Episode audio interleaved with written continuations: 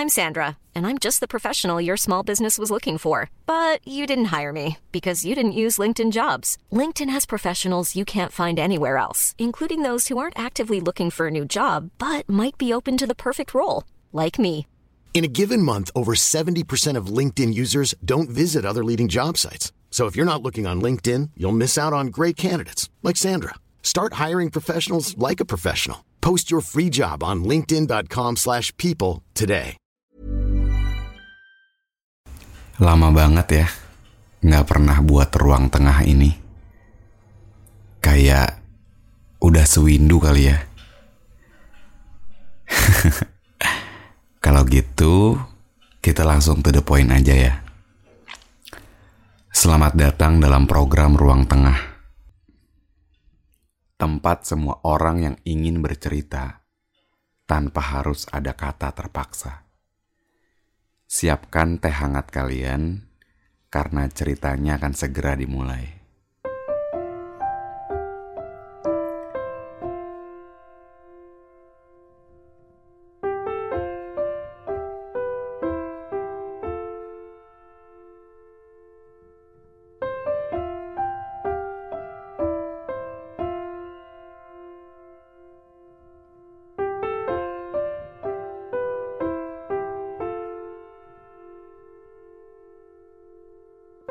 Hai, selamat sore Kak Fajar.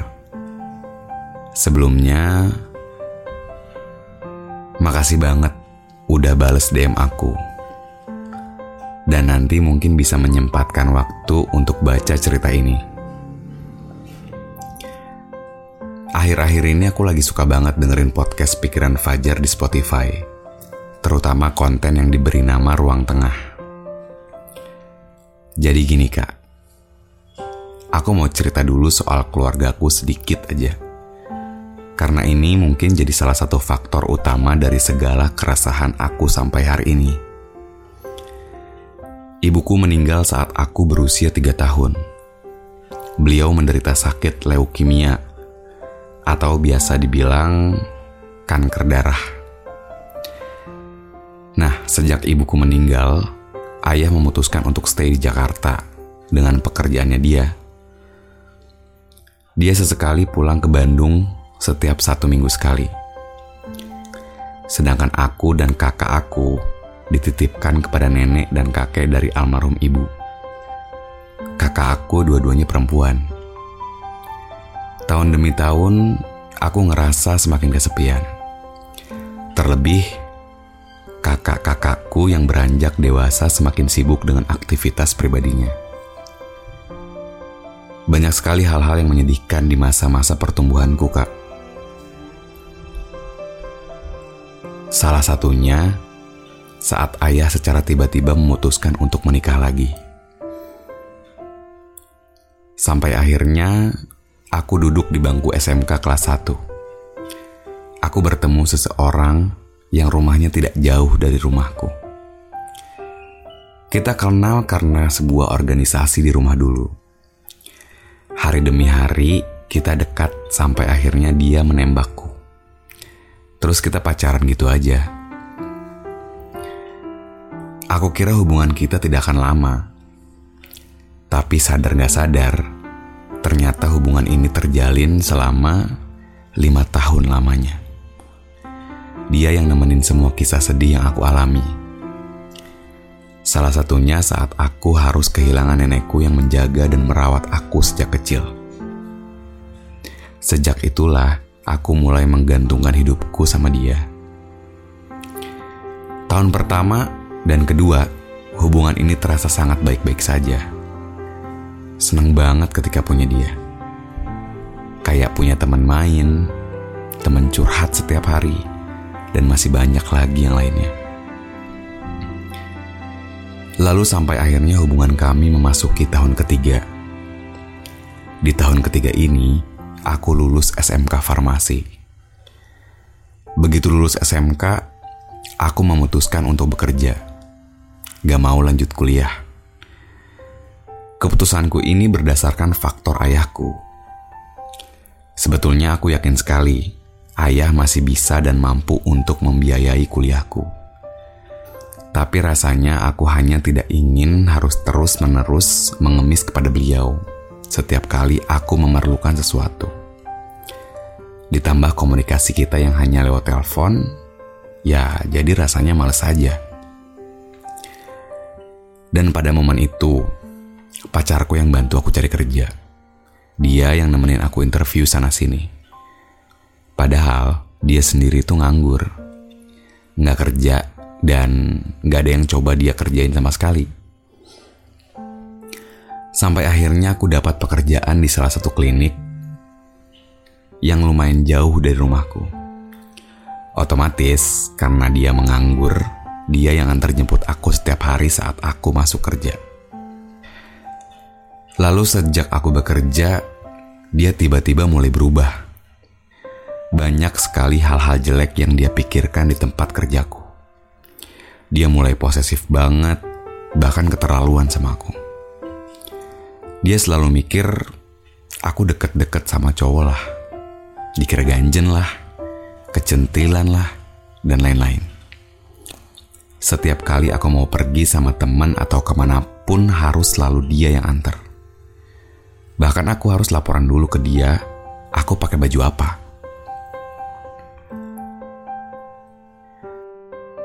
Teman-temannya siapa aja, dan lain-lain lah. Bahkan tiap kali aku pergi sama kakak atau keluargaku yang lain, dia selalu ngerasa kelihatan gak suka. Semakin hari kelakuan dia ke aku semakin kurang ajar. Setiap kali kita ribut, dia mulai berani ngeluarin kata-kata kasar. Bahkan sering banget dia ngebentak. Teriak-teriak di depan wajah aku meluapkan rasa amarahnya. Dan setiap kali itu terjadi, dia gak pernah lihat situasi dan kondisi. Dia bisa ngelakuin itu di mana aja. Entah di jalan, di tempat makan, bahkan sering juga di rumahku. Lalu memasuki tahun keempat dan kelima. Dia bukan lagi sosok pria yang baik yang aku kenal dulu. Semakin hari aku ngerasa semakin takut. Dia semakin kasar, Kak. Bahkan kali ini mulai main fisik. Setiap kali kita berantem hanya karena hal sepele, dia bisa, Kak, pukul aku di jalan setiap kali dia nunggu lama kalau jemput aku pulang kerja. Dia bahkan bisa jambak aku. Cubit seluruh tubuh aku yang masih bisa digapai ketika posisinya lagi mengendarai motor. Atau bahkan juga pernah diturunin di jalan gitu aja. Dengan kata-kata yang cukup kasar. Rasanya udah jadi pelengkap yang keluar dari mulut dia setiap kali kita berantem. Sampai akhirnya aku udah ngerasa gak kuat. Terlebih lagi bukan hanya kasar, tapi dia selalu menuntut aku untuk ini itu. Dia gak kerja, otomatis setiap kita jalan, aku yang selalu ngeluarin uang. Setiap kali dia perlu apa-apa, aku yang harus selalu berusaha memenuhi semua kebutuhannya. Bahkan pernah sekali, aku harus bantu cicilan motor dia dengan alasan lagian motornya juga kan dipakai sama kamu. Aku kalau nggak ada motor ini, gimana antar jemput kamunya? Kamu harusnya bersyukur kalau kamu naik ojek setiap hari. Mungkin yang kamu keluarin lebih besar dari cicilan motor aku tiap bulan. semakin hari luka dan memar di tubuhku juga semakin banyak, Kak. Aku nggak diem kok. Aku berusaha. Aku berusaha ceritain semuanya ke orang tuanya dia. Namun rasanya percuma. Karena semarah apa pun orang tuanya, nggak akan bikin dia ngerasa takut. Justru yang ada, lagi-lagi aku yang diancam untuk nggak cerita lagi sama orang tua dia. Aku selalu berusaha ngikutin semua kata dia, hanya aku ngerasa Gimana pun juga aku butuh dia. Kalau nggak sama dia nanti aku sama siapa? Hingga akhirnya aku benar-benar memberanikan diri untuk putus sama dia. Aku udah gak peduli sama semua ancaman dia, Kak. Aku blokir semua sosmed dia. Aku berusaha ngelakuin semuanya sendirian. Gak ada lagi aku cari-cari dia. Tapi beda halnya dia. Dia gak ada habisnya, Kak. Terus-terusan kejar aku. Dia selalu tiba-tiba ada di depan klinik setiap kali aku mau pulang. Aku selalu diikutin, Kak, sama dia. Rasanya hidup gak nyaman banget. Lalu di kisah selanjutnya, gak lama setelah putus, tiba-tiba dari sekian cowok yang dekat sama aku, ada satu cowok yang aku rasanya nyaman banget sama dia. Padahal kita cuma kenal lewat Instagram waktu itu. Dan di satu sisi, aku denger mantan aku udah punya cewek baru otomatis aku ngerasa nggak ada lagi yang bakalan ganggu hidup aku. Sampai akhirnya, semakin hari aku semakin intens dan deket sama dia. Panggil saja dia si A.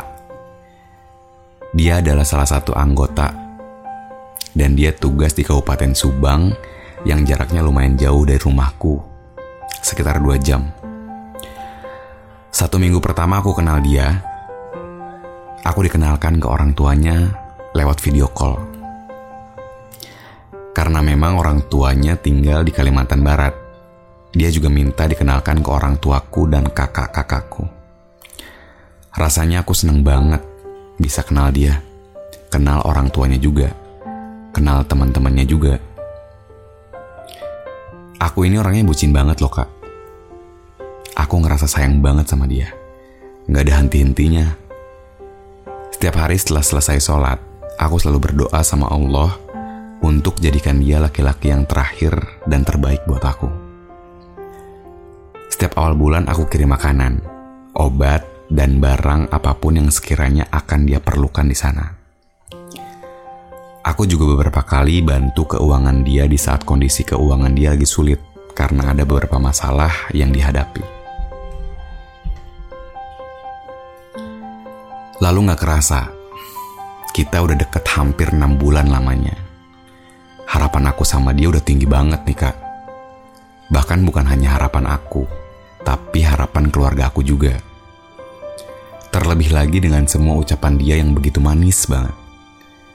Perlakuan dia yang begitu baik dan hal-hal lain yang dia janjikan kepadaku dan keluarga aku. Kita baik-baik aja nih.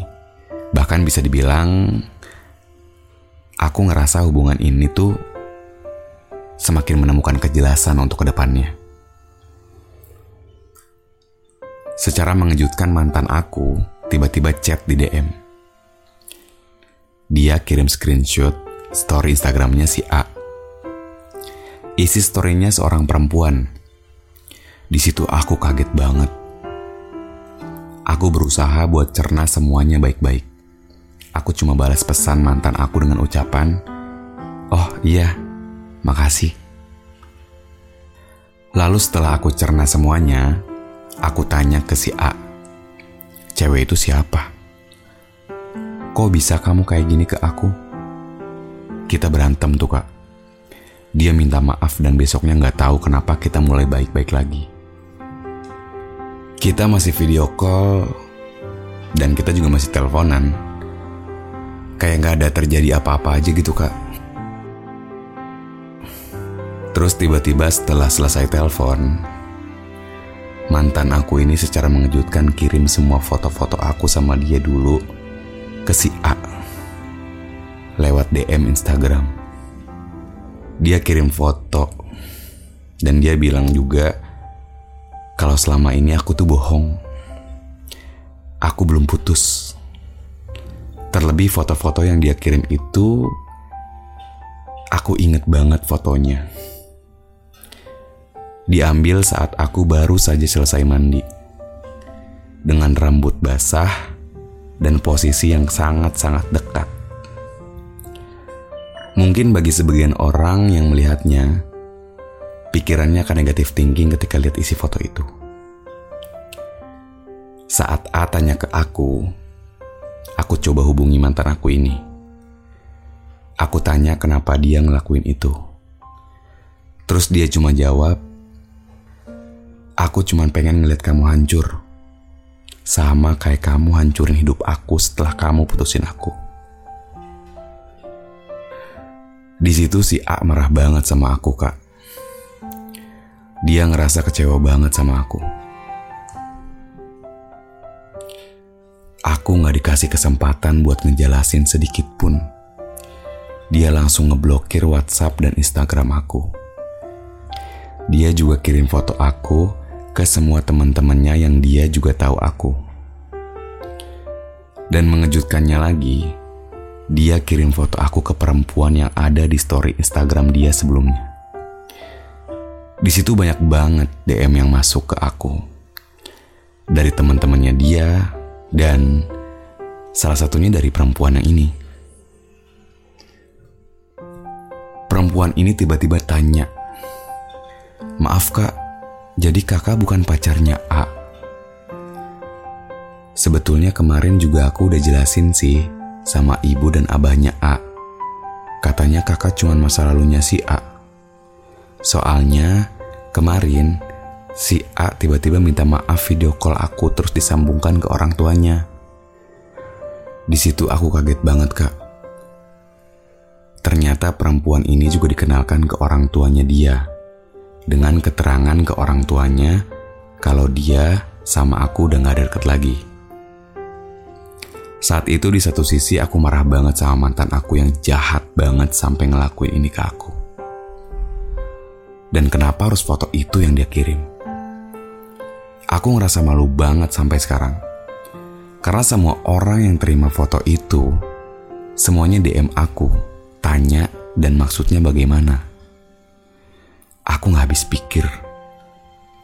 Kenapa si A harus sebarin foto aku ke temennya, dia, bahkan perempuan ini. Terlebih dengan penjelasan si perempuan yang katanya dikenalkan ke orang tuanya si A. Aku rasanya patah banget kak. Aku udah ngerasa sayang banget sama A. Setiap kali kakak Fajar live, aku gak henti-hentinya minta kak Fajar buat konten soal LDR. Aku juga sempat kirim footage saat kami video call untuk salah satu konten Kak Fajar. Sekarang hidup aku semakin sepi kak. Dari dulu setiap kali aku menjalin hubungan, aku selalu gelisah kak. Aku takut ditinggalkan. Mau seburuk apa pun pasangan aku, aku selalu berusaha menerima semuanya. Asalkan dia gak pergi. Aku gak mau sendirian aku gak mau kesepian. Karena sejak ayahku menikah lagi, aku merasa sudah kehilangan figur laki-laki dalam hidup aku. Dan sejak nenek aku meninggal, rasanya aku kayak gak punya siapa-siapa lagi. Sekarang setiap malam aku nangis karena lagi-lagi harus ngerasa sendirian. Aku cuma bisa tidur paling lama 4 jam setiap malam. Yang aku lakuin cuma nangis nyalahin diri sendiri atas hal bodoh yang aku lakuin untuk segala effort yang coba aku kasih ke setiap laki-laki. Entah tenaga, pikiran, barang, bahkan secara finansial yang selalu aku usahakan untuk bantu pasangan aku. Terlebih lagi mantan aku yang gak ada henti-hentinya yang ganggu aku. Ancam aku ini itu sampai saat ini. Dan aku ngerasa capek banget sekarang rasanya aku takut banget. Gimana jika mantan aku ngancurin hubungan aku sama siapa pun ke depannya? Aku berusaha coba menganggap tidak pernah ada dia. Dan tidak pernah terjadi apa-apa di setiap hubungan yang aku jalani. Rasanya tuh stres banget kak. Gak mau makan berhari-hari, gak mau ngelakuin apa pun itu yang aku cuman pengen nangis. Pengen cerita tapi cuman pengen didengarkan tanpa tanggapan apa pun. Aku sayang banget sama A sampai hari ini. Rasanya susah banget buat lupa. Bahkan dengan hubungan sebelumnya, aku ngerasa gak ada perasaan sesayang ini. Aku mau lihat dia baik-baik aja. Aku mau lihat dia selalu ngerasa senang entah dari jauh ataupun dari dekat. Entah dengan aku ataupun dengan wanita lainnya. Terlepas dari apa yang udah dia lakuin juga ke aku. Dulu aku pikir dia akan jadi obat dari setiap rasa sakit di hubungan aku sebelumnya. Tapi ternyata enggak, Kak. Terakhir, aku mau minta maaf untuk A jika memang di sini aku yang salah. Dan untuk mantan aku, selamat. Kamu sudah berhasil membuat aku hancur sesuai dengan apa yang kamu mau. Aku harap semoga kalian selalu bahagia dengan pasangan kalian masing-masing sekarang. Maaf. Terima kasih Kak Fajar sudah mau membacakan cerita aku. Maaf jika kata-katanya banyak yang salah dan membuat bingung. Karena jujur, aku masih berusaha cerita setiap kejadian akhir-akhir ini satu demi satu. Sukses terus, Kak. Terima kasih. Terima kasih juga sudah mau bercerita. Jujur ya, gue gak tahu apa yang harus gue tanggapin. Karena yang paling pertama adalah setiap hubungan tuh selalu punya resikonya. Kita bisa menjalani hubungan sama si A, si B, dan si C secara berbeda waktu. Dan ketiganya itu punya resikonya. Berbeda-beda juga resikonya kayak gimana. Tapi yang jelas, kalau memang kita nggak bahagia ketika menjalaninya, emang kita siap sakit-sakitan terus di dalam hati kita.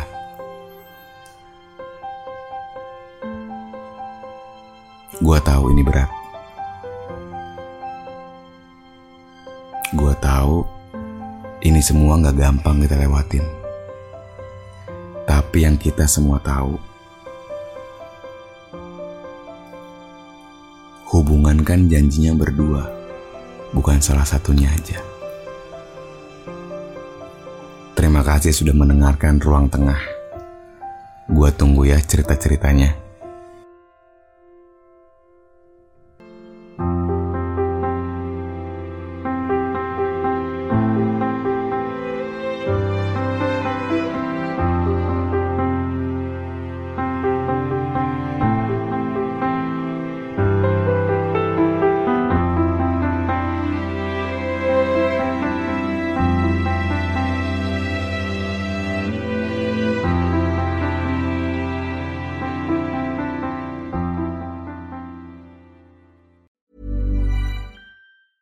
Planning for your next trip?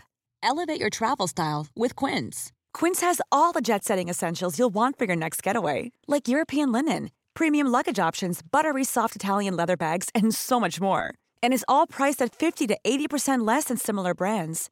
Plus, Quince only works with factories that use safe and ethical manufacturing practices. Pack your bags with high-quality essentials you'll be wearing for vacations to come with Quince. Go to quince.com/pack for free shipping and 365-day returns.